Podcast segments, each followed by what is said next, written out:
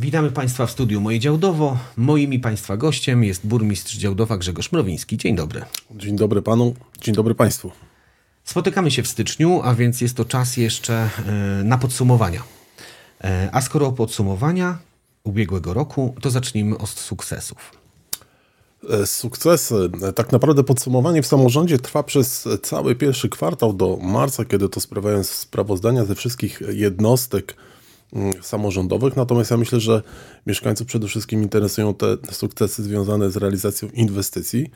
I chcę powiedzieć, że takimi sztandarowymi inwestycjami, które były realizowane w roku 2022, mm, to jest przede wszystkim e, budowa mm, zbiornika retencyjnego E, jest to inwestycja, która była przygotowywana przez długie lata, związała się z pozyskaniem wielu dokumentów, opinii.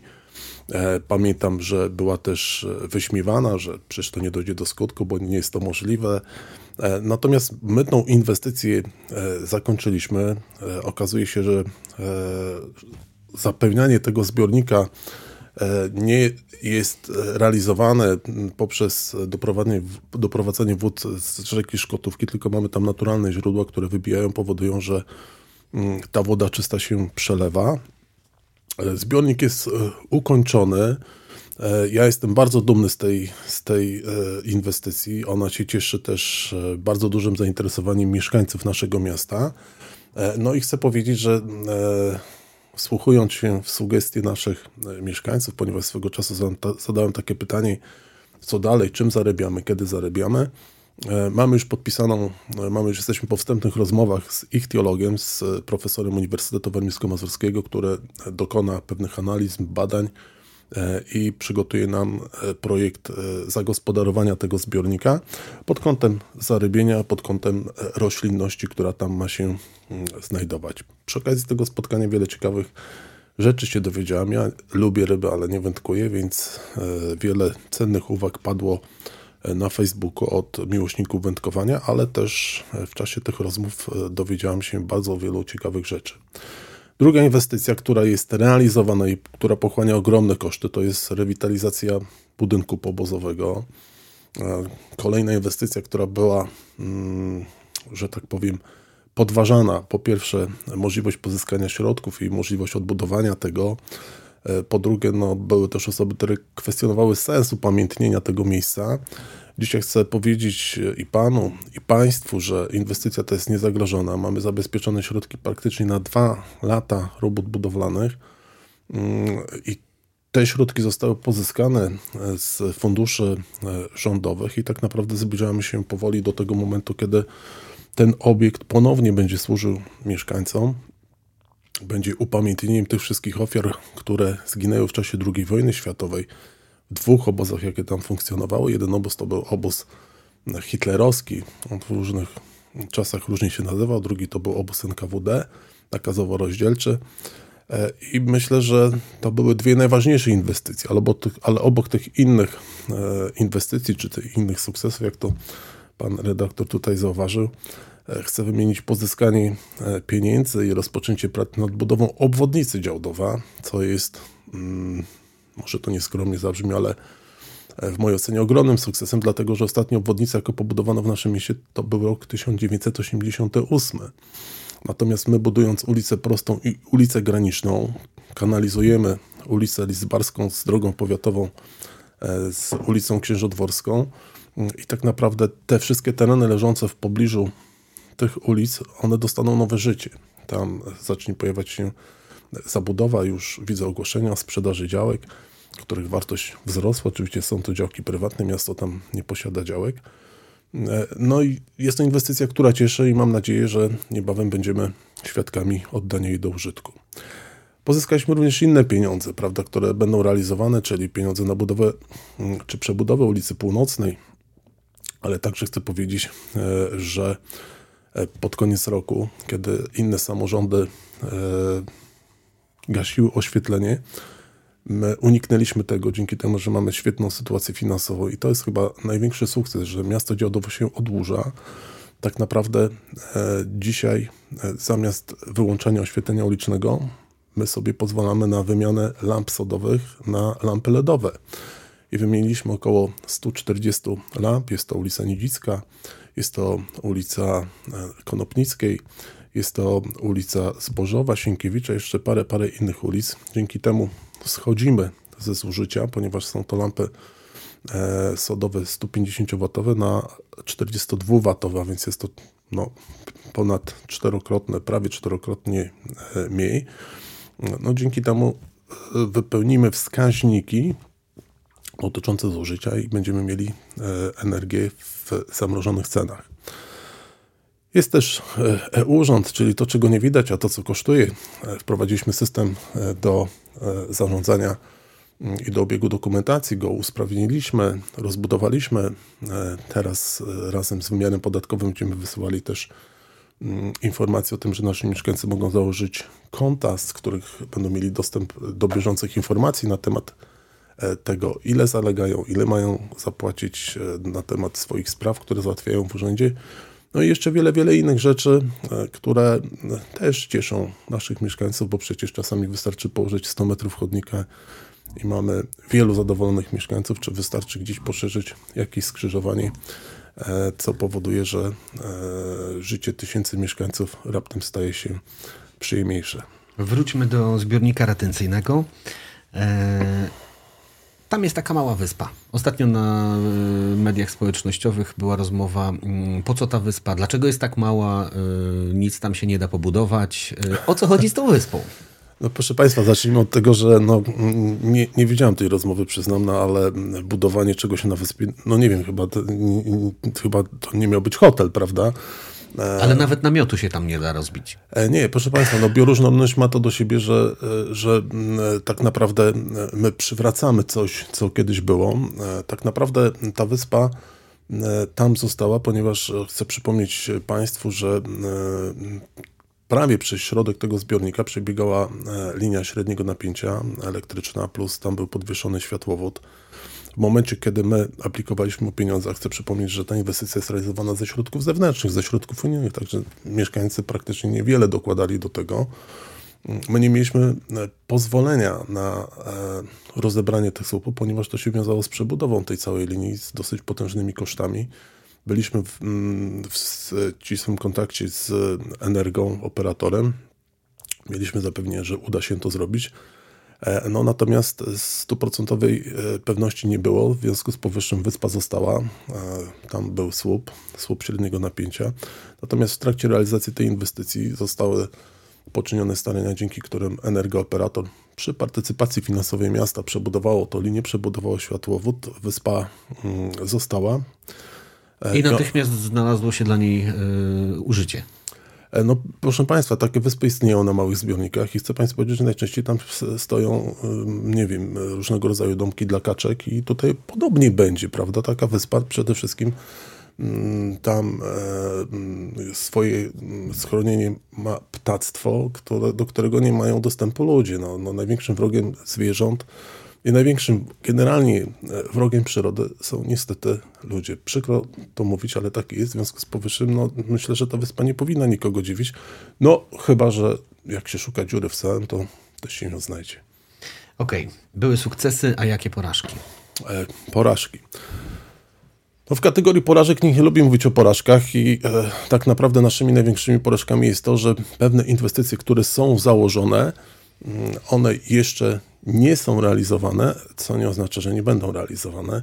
I myślę, że tutaj e, słuchaczom od razu w pierwszej myśli gdzieś pojawia się e, basen, e, który miał być mm, pobudowany w tej kadencji, natomiast ja zapewniam, że jego budowa ruszy w tej kadencji. Tak naprawdę w marcu zostanie ogłoszony przetarg. Natomiast mm, na początku tej kadencji były dwie możliwości kolosalnie zadłużyć miasto i mm, rozpocząć tę inwestycję już w pierwszym roku urzędowania, mm, czy w drugim roku, prawda, drugiej kadencji. E, dzisiaj byśmy się oczywiście cieszyli, cieszyli, z tego basenu, że on e, funkcjonuje, natomiast mielibyśmy potężny bagaż e, zadłużenia, a w tej ostatniej trudnej sytuacji, kiedy koszty obsługi długu drastycznie wzrosły, tak naprawdę wiele miast no, przeżywa tragedię, bo nie ma środków na obsługę tego zadłużenia. My przyjęliśmy drugi wariant, czyli przez kilka lat tak naprawdę pracowaliśmy nad montażem finansowym, po to, żeby w jak najmniejszym stopniu e, kosztami tego basenu obciążyć kieszenie naszych mieszkańców. No i ten montaż jest imponujący, bo tak naprawdę udało nam się, udało nam się pozyskać 10 milionów mm, z Ministerstwa Sportu, do tego dochodzi 15 milionów z Polskiego Ładu, e, kolejne 5 milionów z powiatu działdowskiego, łącznie to już jest kwota 30 milionów złotych. E, mamy też zabezpieczone swoje środki i tak naprawdę wierzymy, że ta realizacja e, dojdzie do skutku. I e, jeżeli będziemy musieli wziąć kredyt, a zakładam, że będziemy musieli taki też wziąć, to nie będzie to kredyt rzędu 50 milionów złotych, 60 milionów złotych, tylko to będzie kredyt rzędu kilku milionów złotych. A co za tym idzie? No wiadomo, no nie, nie zamykamy się na kolejne inwestycje w kolejnych latach, tym bardziej, że E, został już e, tak naprawdę e, wynegocjowany wynegocjowane zostało RPO, czyli Oryginalny Program Operacyjny w Armii Mazury w Brukseli. Potężne środki idą na nasze województwo i my musimy być gotowi o aplikowanie na te środki. A proszę pamiętać, że przy środkach unijnych bardzo często wymagany jest tak zwany wkład własny. Jesteśmy gotowi do aplikowania o te środki? Jesteśmy gotowi. Co więcej, my aplikujemy jeszcze o stare środki są tak zwane resztówki i no za chwilę myślę, że będę miał wiele dobrych wiadomości dla mieszkańców e, naszego miasta, dlatego że złożyliśmy kilka wniosków. Nie chcę mówić tutaj o szczegółach. Jeden z wniosków to jest e, na prawie 7 milionów złotych i tu będzie, myślę, bomba, ale to z tym poczekamy jeszcze. E, wczoraj złożyliśmy kolejny wniosek mm, na kulturę.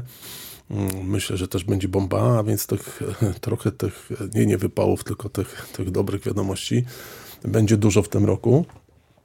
I e, nie dlatego, że zwlekaliśmy z czymś, prawda, bo oczywiście możecie powiedzieć zarzut, tak, rok wyborczy, pan burmistrz teraz e, próbuje tutaj pokazać to czy tamto. Nie, ja chcę powiedzieć jasno, że dla mnie każdy rok jest rokiem wyborczym, a więc jeżeli kadencja trwa 5 lat, to tak naprawdę pracujemy 5 lat, a nie tylko rok i myślę, że mieszkańcy z tej strony mnie mm, poznali. Natomiast chcę powiedzieć, że mm, dlatego aplikujemy, ponieważ pojawiły się te środki. Dzisiaj wiele samorządów e, nie jest przygotowanych. Ten konkurs, w którym złożyliśmy e, nasz wniosek o 7 milionów złotych, tak naprawdę jesteśmy sami. Jeden samorząd z naszego województwa tylko aplikuje, a środków jest zabezpieczonych dużo więcej niż, niż ta kwota, o której wspomniałem. Dlatego pewnie, że wcześniej była przygotowana dokumentacja tego projektu. Tak jest. Ja od samego początku uważałem, że e, trzeba być gotowym, czyli trzeba mieć dokumentację, uzgodnienia, pozwolenia.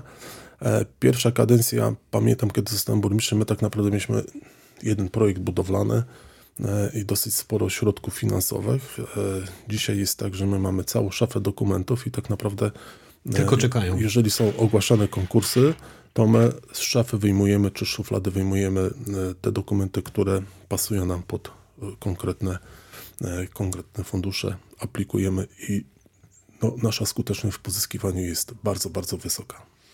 W takim razie, e, jakie trudności mm, na, dla naszego miasta e, są przed nami? Jest wysoka inflacja, różne inne problemy. Jak my sobie z tym radzimy? Trudności jest bardzo dużo. Ja myślę, że jako taki jeden z przykładów chcę podać, podjęliśmy uchwałę o pomocy dla naszego miasta partnerskiego w Ukrainie, dla Truskawca. E, uchwała już praktycznie mm, jest no, prawie dwa miesiące, a my tak naprawdę nie możemy kupić generatorów prądu twórczych, ponieważ ich w Polsce nie ma. Nie ma ich w Europie. Czekamy na transport, który płynie mm, do Polski. Wierzę, że no, na dniach, może tygodniach uda się nam te generatory prądu zakupić i wysłać, czy zawieźć je do Truskawca, bo one są tam bardzo, bardzo potrzebne. E, kontynuując, e, no przede wszystkim największe trudności powoduje wojna mm, i kryzys e, gospodarczy i energetyczny, który został, mm, który został wywołany między innymi przez tą wojnę. Potężna inflacja, która dotyka mieszkańców, ale dotyka także samorząd.